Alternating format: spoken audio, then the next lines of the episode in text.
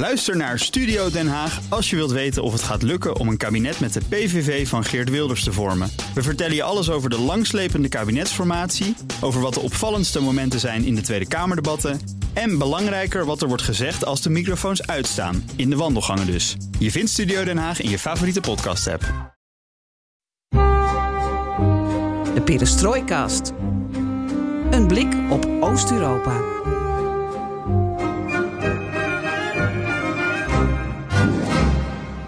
Welcome to BNR Perestrojkast, episode 192, the only podcast in the Netherlands focusing completely on Central and Eastern Europe. You're about to listen to an exclusive interview with Maia Sandu, the president of Moldova. We had previous talks with Svetlana Tikhanovskaya, Edi Rama, Nino Haratishvili, Petr Pavel, so once again, now with Maia Sandu, the Perestrojkast welcomes an international guest, and we're happy to present to you this podcast, therefore, not only in English, um, and not only in Dutch, but in both languages. We are talking with President Sandu about what kind of country she's currently leading. A country under constant threat, fighting a hybrid war with Russia. Is Europe the way out for Moldova? And does President Sandu truly believe that Europe is willing to help Moldova, whatever it takes, as long as it takes? An interview about threats and solutions, struggles and security. My name is Geert-Jan Hahn. And I am Floris Akkerman. And you're listening to Dutch language leading podcast concerning Central and Eastern Europe, BNR's Perestrojkast.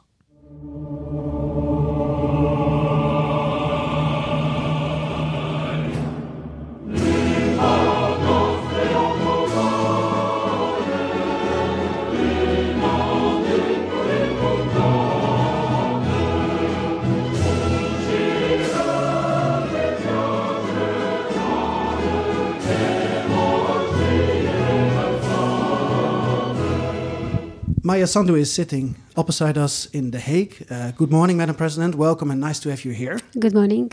Um, you visited Mark Rutte, uh, our king, Willem Alexander, the House of Representatives. Um, what kind of support are you seeking from the Netherlands? First of all, I'm here to uh, express my gratitude for the support we have been receiving. Moldova uh, did get assistance from the Netherlands over the last 30 years in our efforts to consolidate the democratic processes and the democratic institutions. I'm here to express my gratitude for the fact that the Netherlands uh, did support the decision of the EU to grant Moldova the EU candidate status. Uh, we are talking about extending our bilateral relations. We're interested in bringing more investors uh, to Moldova. Uh, we have been discussing about the security, of course, and we've been discussing about the next steps for our EU integration. I've been talking to uh, the authorities here about the progress that Moldova is making with respect to the EU expectations and conditionalities. And uh, for now, uh, your colleague, uh, Ukrainian colleague, Mr. Uh, Volodymyr Zelensky, um, the Russians want him dead or alive, if I might, may say. And the Russians are also not fond of you. Do you feel safer over here or in Moldova at home?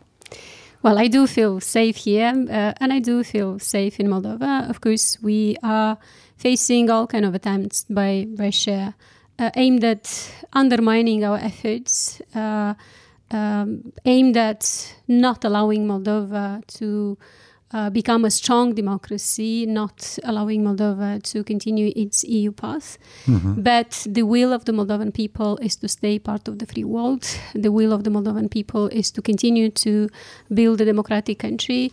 And uh, we know that we can survive as a democracy uh, within the EU family. Uh, we do see what are the risks in the region. I do believe that Russia will continue to be a source of instability for many years to come.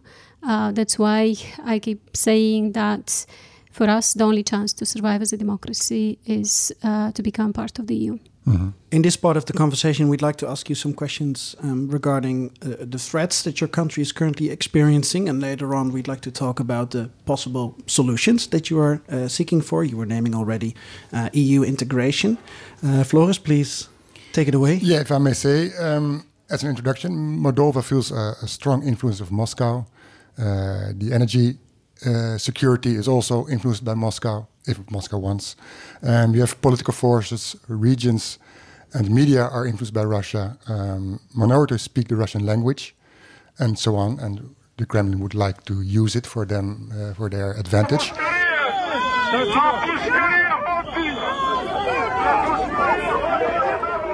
Um, at first glance, you would say Moldova is caught in the Russian web, and we would like to ask you in our questions uh, how can you your country get rid of it? Um, to sum up a little bit, I hope it will be a little bit fast, but you have two uh, disobedient regions, if I may say. Uh, one of it, Transnistria, there are Russian soldiers on its ground. You have uh, influence uh, in, in, your energy security by um, by Gazprom. There are people from Gazprom in Moldovagaz, for example. There's shares of, of Gazprom in Moldovagaz, etc., etc. You have politicians with Moscow connections. You have pro-Russian media websites, pro-Russian church. Russian language, pro Russian minority. Um, Were you aware of this? I hope so. um, are all these elements, these factors, uh, holding your country, your pro uh, European uh, Union course uh, hostage? It is true that we're facing uh, many of the problems that you have mentioned, but it is also true that we are more resilient than a year ago, a year, a year and a half ago. Uh, for instance, we're less dependent on Russian energy. Uh, a year ago, Moldova was 100% dependent on Russian gas. Today, Moldova, with the exception of the Transnistrian region, does not consume any Russian gas. So we have managed to diversify our sources of energy. We continue to work on it. We're making investments. We're working hard on the energy security. But uh, there is proof that we can solve some of these problems very quickly. Uh, at the same time, um, there is, of course, the Russian propaganda and the disinformation, which uh, makes things more difficult. But we have a constant majority of people which support the EU integration agenda of Moldova. You can see it in the polls. You could see it uh, on May 21st when we organized the big uh, rally, uh, when about 100,000 people came into the streets to show their support for Moldova's EU path. Uh, so we do work hard to uh, make the country less vulnerable, and we are being helped by our partners, by the uh, uh EU countries, by the international development partners, and, and this helps us uh, move quicker and, and become more resilient. If we talk about Russian influence on your energy security, you were saying that you quit Russian supply of gas. If I'm not mistaken, the CEO of Moldovagaz wrote in March, this March, uh, that um, the supply of Russian gas resumes. Um, the the only gas consumption that happens today in Moldova is in the Transnistrian region, mm-hmm. which you know is a, a, separatist part of the country, which is not yet controlled by the constitutional uh, institutions of Moldova. But most of the population, most of the consumers on the right bank of Nistru do not consume mm-hmm. Russian gas anymore. Mm-hmm. How to deal with those Gazprom members sitting in Moldovagaz and the shares? Well, of, now of, that uh, we Gazprom. now that we almost don't depend on the Russian gas, this is not really an issue. Mm-hmm. Now we have to finish the project which is going to connect us uh, uh, with Romania for the electricity grid. And mm-hmm. we have started to implement a big project when we came to power. This project is going to be finalized in two years from now. Mm-hmm. We are already connected in the ENTSO-E. Uh, so we do have access to the EU market for electricity through Ukraine. The problem is that every time Russia bombs the electricity network uh, of Ukraine, we have blackouts in Moldova. But as I said, we're working on it and, and in two years we're mm-hmm. going to have full independence on energy. Yeah, you, you already mentioned it. There were some there are protests uh, for your government, but there were also protests against your government this year and earlier this uh, last year. Um, we saw also together. Jan and, and I in, in eastern Ukraine 2014 also such kind of protest uh, at the start at the beginning and it turned out it's getting worse worse worse um, so far that now we are facing a big war in, in Ukraine um, by the Russians' invasion last year. Um, how to deal, how to stop these kind of protests protest before it gets worse, like we have seen in uh, Ukraine? We believe in democracy, and uh, in a democratic country, uh, you should have protests. It's normal for the people to come and speak. Uh, this is how they. This is one way they communicate to the government on whether they like the policies or not, on whether they like the, the situation or not. Uh, but, these then there are genuine protests, right? there are genuine protests, and, and we respect and create the conditions for people to be able to express their views. And in Moldova, the, we, we had a situation when we had protests uh, financed uh, by Russia uh, using some uh, corrupt groups in Moldova with which we have been uh, fighting over the last 10 years. Um, and they've been organizing these paid protests, uh, hoping to destabilize the country, hoping to um, make these protests violent and then to overthrow the government. I did speak about this in the in the spring. Um, we warned the people, and uh, the corrupt groups uh, sponsored by Russia failed to overthrow the government. It doesn't mean that this is not uh, this doesn't continue to be a risk, but it's not as big a risk as in the past. We are concerned with the fact that uh, Russian money continued to come into the country to uh, finance political parties and campaigns. This is illegal. Uh, we do have pretty good uh, legislation when it comes to financing political parties and campaigns, uh, but uh, the enforcement, of course, is still a chan- challenge. Yeah, it's, if you're saying political parties influenced by Russia, um, one of your main opponents is uh, Ilan Shor. Um, he's influenced by Russian, uh, uh, by the Kremlin, by Moscow. He's, it is said that he's via the FSB. Uh, they want him to to destabilize uh, uh, Moldova. How to get rid of rid of him? How to get rid of Mr. Shor? He's not my opponent. He's a fugitive criminal. He uh, was convicted in Moldova uh, to 15 years in prison for the participation in a big uh, banking sector fraud. He has been included in the sanctions by US, by EU, and uh, by other countries. Um, and uh, the justice sector in Moldova is working to uh, bring him to Moldova and, and to make him uh, respond uh, to sanction him for the for the corruption cases that he undertook. Uh, Kremlin decided to work with such people uh, against Moldova to undermine the processes in Moldova. And of course, this is not an easy uh, process to sanction all those people who uh, have been involved in, in corruption in Moldova. We are undertaking a significant effort to reform justice and to strengthen the capacity and independency of the anti corruption institutions. This is our main commitment uh, towards our citizens, but this is also our commitment, uh, an important commitment uh, in our uh, EU integration path. So we're working together with the international partners, we're working to, to strengthen our uh, uh, institutions at home to be able to protect uh, the citizens. Yeah, if, if we look to these Russian influences and we look to Ukraine, Ukraine is, has a tough policy right now against uh, pro-Russian parties. It, it's forbidden. Uh, black si- uh, websites are, are banned or, or disturbed. Um, the church they created their own church uh, a few years ago. Ukraine. Um, uh, it, say, it tries to say farewell to this Russian influence on every level. Is it not that? Uh, why shouldn't you do such a policy? Well, but uh, we are trying to uh, cut on Moldova's dependency. As I said, the energy dependency was pretty big before we came to power, and Russia kept uh, weaponizing to- to weaponizing media, energy. to- So now we're connecting to uh, to the European markets first of all, and I think we made a lot of progress in the last two years. We're learning to fight uh, propaganda and the disinformation. Uh, we just uh, adopted a law on establishing a special unit which is going to coordinate the activities of uh, all government institutions uh, to to be more efficient at fighting propaganda and disinformation. But we should uh, say it clearly that even sometimes even countries with stronger institutions than the Moldovan institutions fail it difficult to protect people from from the disinformation and propaganda.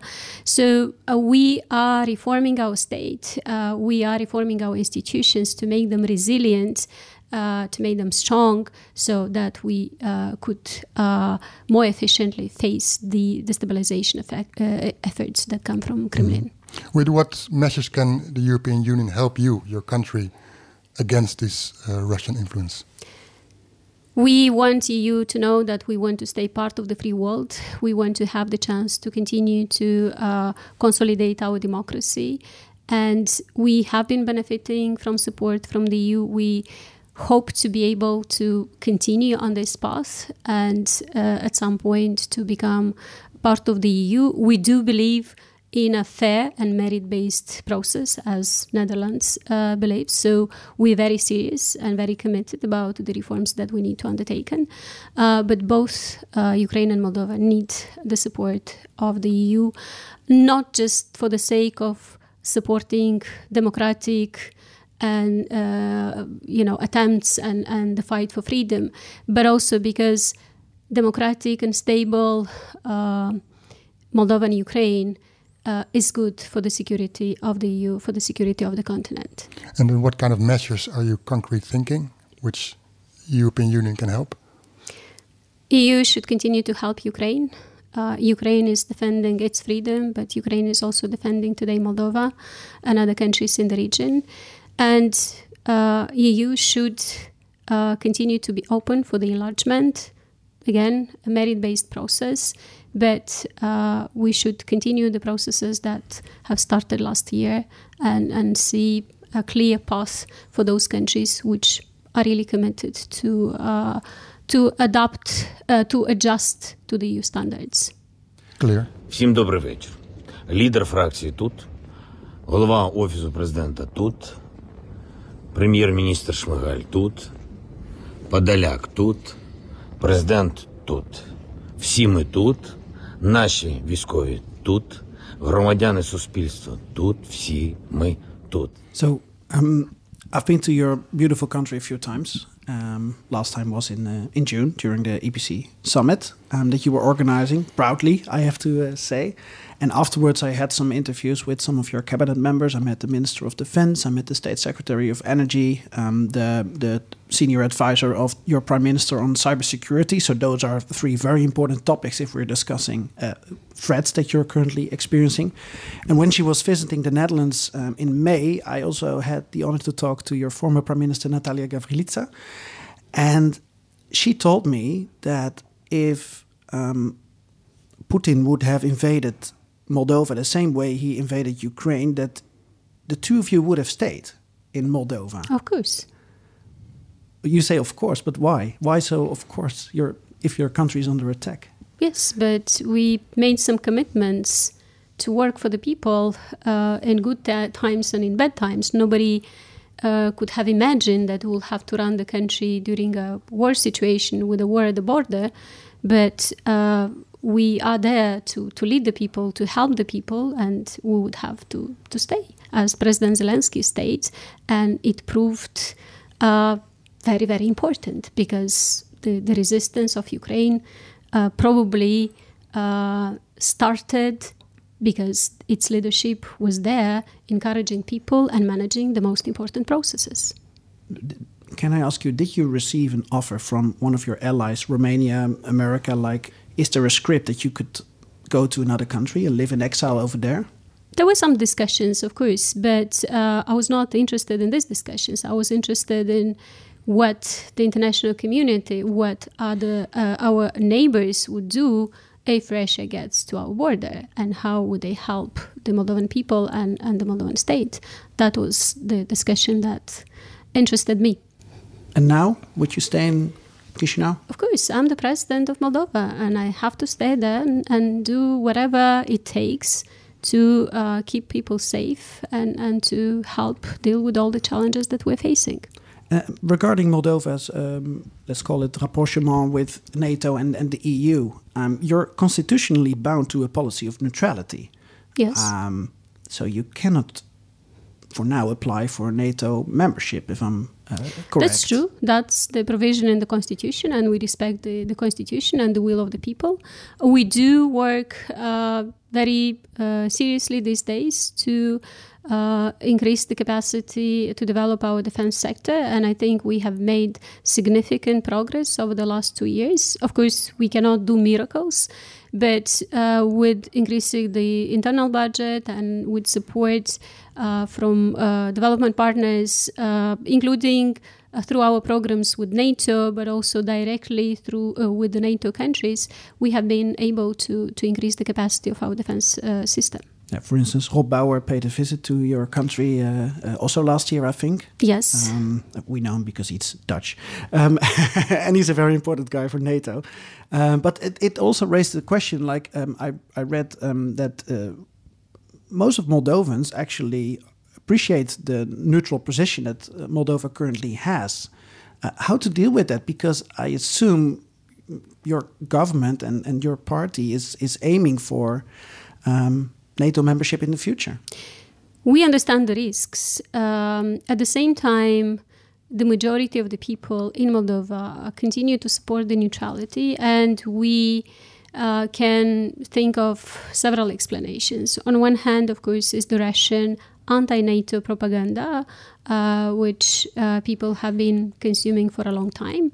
But uh, I believe more than that is that people believe that the moment we start talking about NATO, Russia will start bombing Moldova.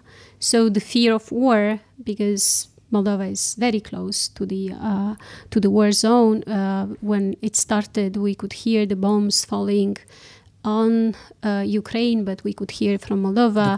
we can see we can see these days that uh, Russia uh, is bombing the ports, the Ukrainian ports on the Danube, and these are just five kilometers from Moldova's only port.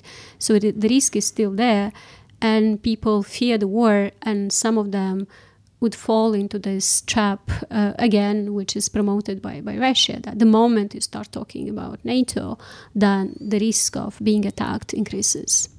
Yeah, but it's your own choice.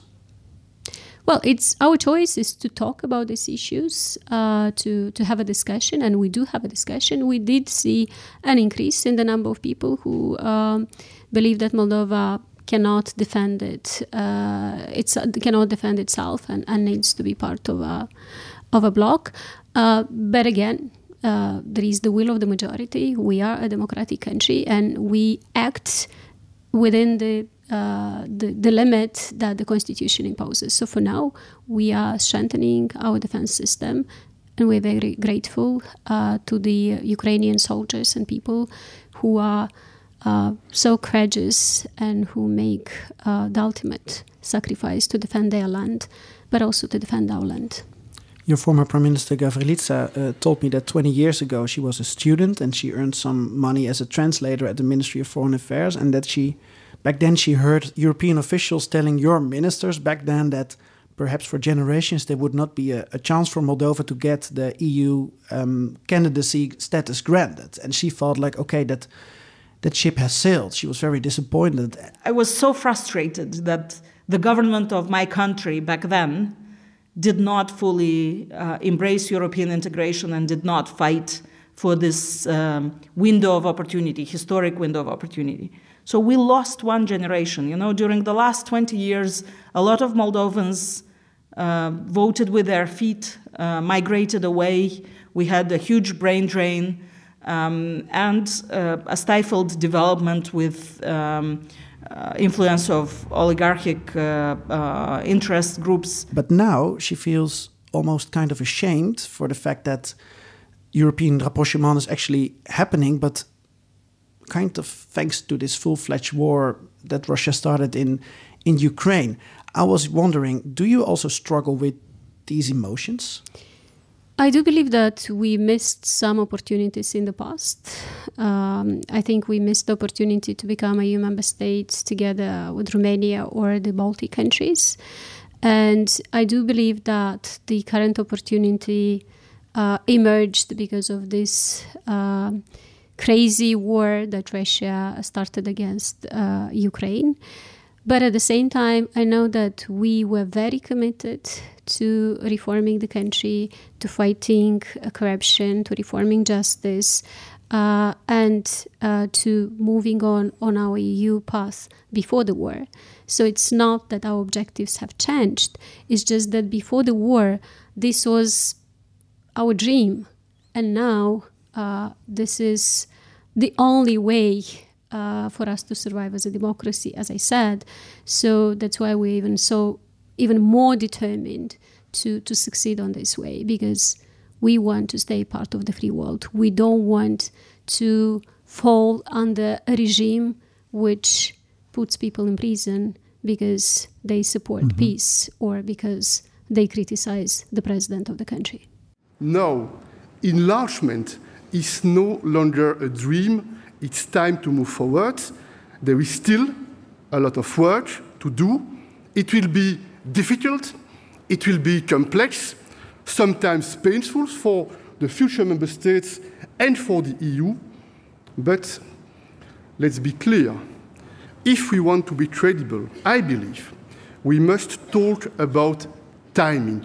I believe we must be ready on both sides by 2030 to enlarge.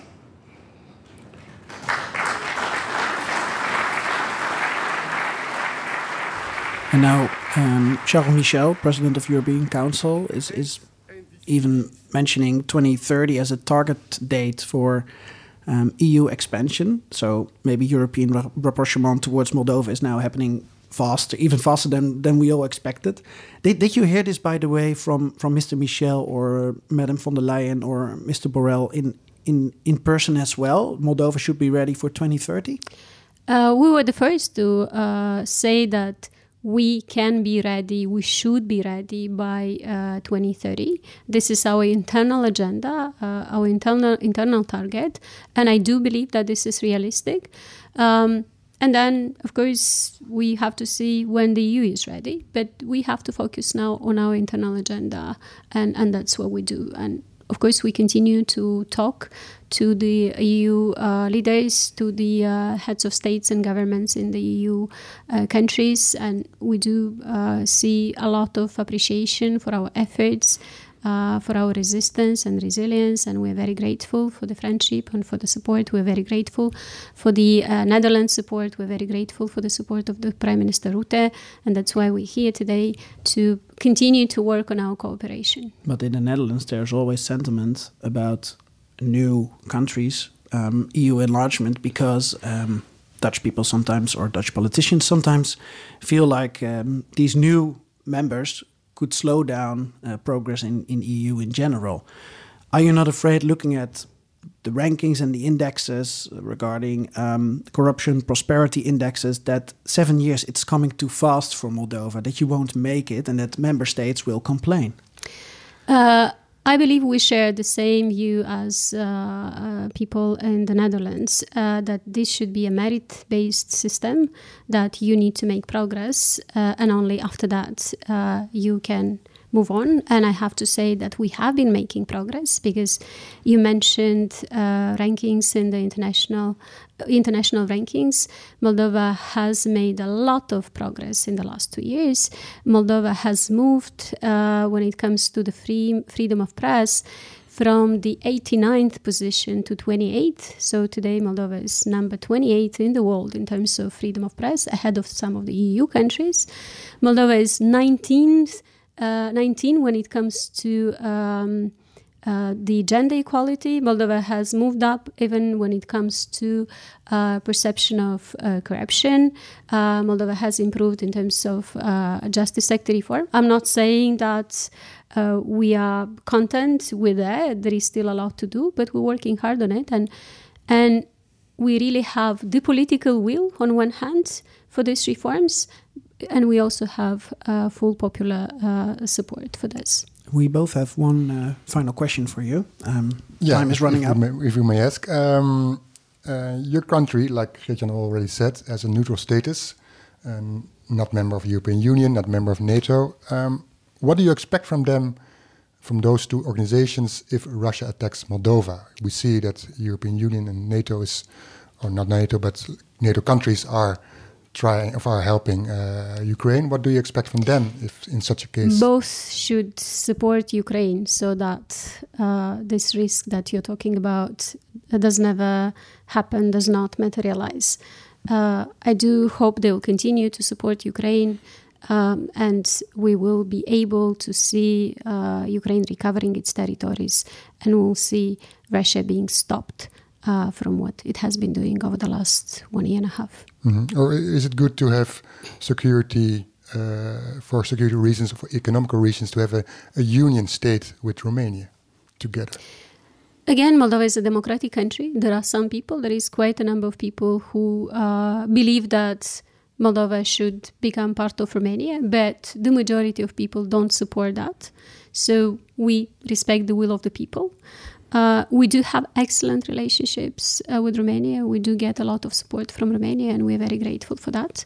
But again, we have to act within the context which is, uh, you know, supported by, by the majority of the people.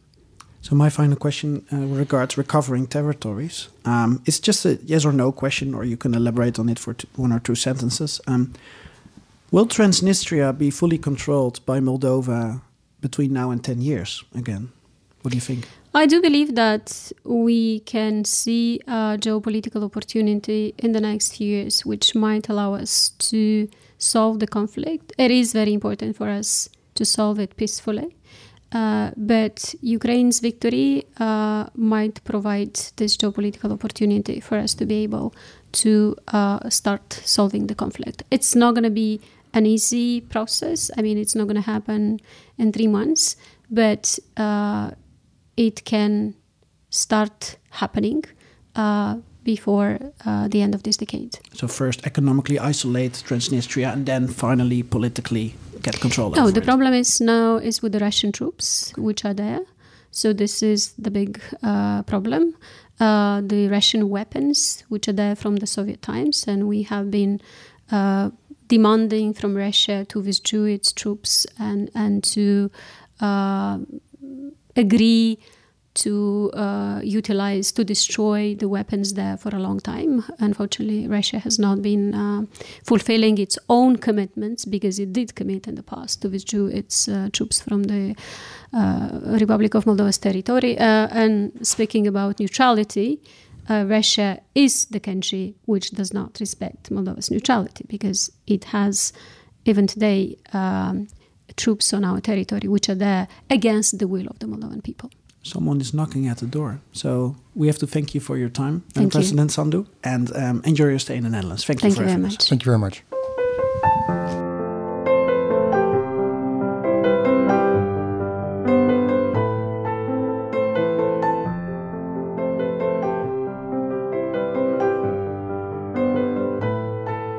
So the Dutch listeners who occasionally listen to BNR Perestrojkast, they are aware of the fact that we normally wrap it up with a joke from our correspondent in Russia, Joost Bosman. Um, he's very funny, according to some people. And, well, we found one in English as well. Um, but we're here in this hotel room after this interview with Maia Sandu, and we cannot reach out to Joost. But we can um, give you a, a joke from Edi Rama, who was our guest a year ago, by the way, in Perestrojkast. He's the Prime Minister of Albania. He was in Slovenia last week, was on stage. He's a former artist. And he thought, okay, let's talk about how difficult Russia is, a country, such a big country with a lot of time zones, and then something can go wrong. I don't know if you heard about Russia having this negotiation to change, to, to unify the clock because they have nine hour difference from one part of the other of the country. And the prime minister went to Putin and said, uh, Mr. President, we have a problem. I sent my family in holiday and they, and uh, I called to tell them uh, uh, good night and it's already morning. They are in the beach.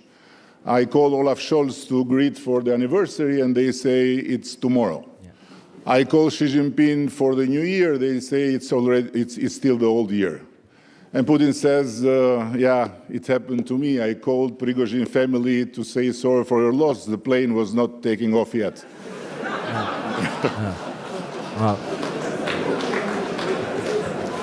Great joke. More funny than, uh, than Joost?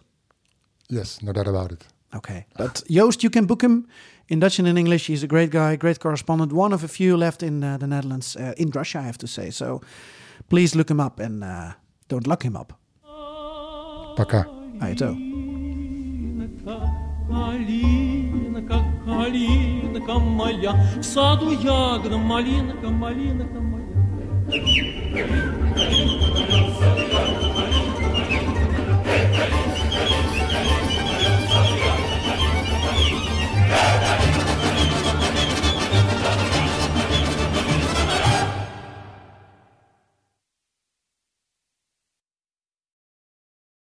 Ook Diana Matroos vind je in de BNR-app. Ja, inderdaad. Je kunt live naar mij luisteren tijdens de Big Five.